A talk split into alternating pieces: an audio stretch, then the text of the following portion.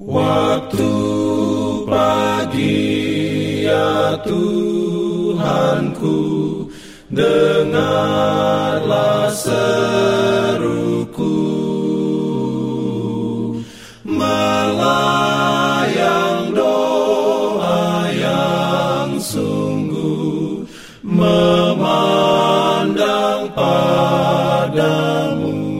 Selamat pagi pendengar Radio Advent Suara Pengharapan Mari mendengarkan suara Tuhan melalui tulisan pena inspirasi bersama Allah di waktu fajar.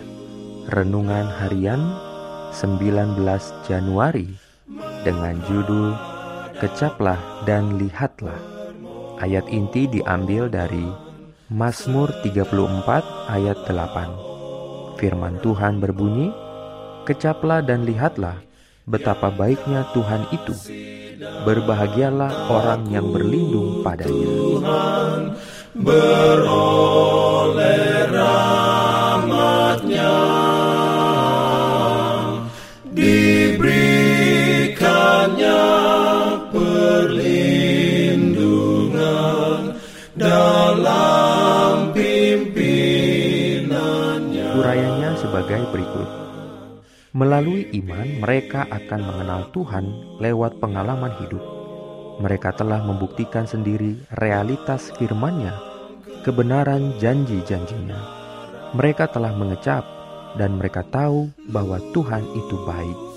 Yohanes yang terkasih memiliki pengetahuan yang diperoleh melalui pengalamannya sendiri. Jadi setiap orang mungkin bisa melalui pengalamannya sendiri untuk memastikan bahwa Tuhan itu benar.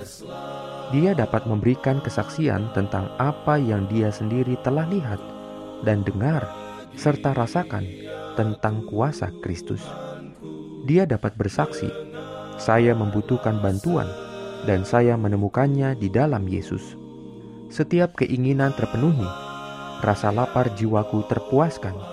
Bagi saya, Alkitab adalah wahyu Kristus saya percaya kepada Yesus karena Dia bagi saya adalah juru selamat ilahi.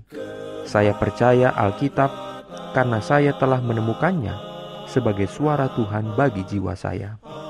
Merupakan hak istimewa bagi kami untuk mencapai yang lebih tinggi dan lebih tinggi lagi untuk mengungkapkan karakter Tuhan dengan lebih jelas. Ketika Musa berdoa, "Aku memohon kepadamu tunjukkan kemuliaanmu. Tuhan tidak menegurnya, tetapi dia mengabulkan doanya. Tuhan menyatakan kepada hambanya, Aku akan membuat semua kebaikanku berlalu di hadapanmu, dan aku memberitakan nama Yahweh di hadapanmu.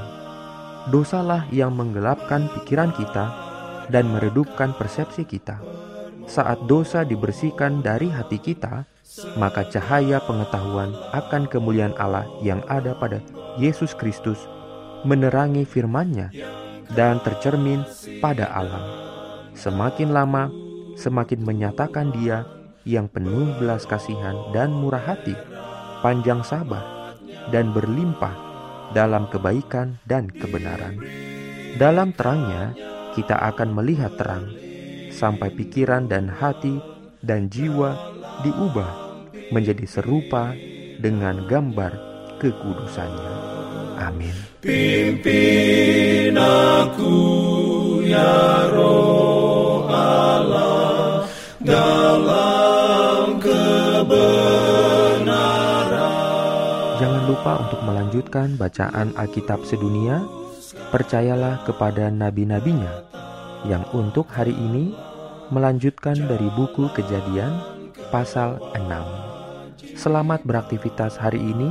Tuhan memberkati kita semua. Jalan ke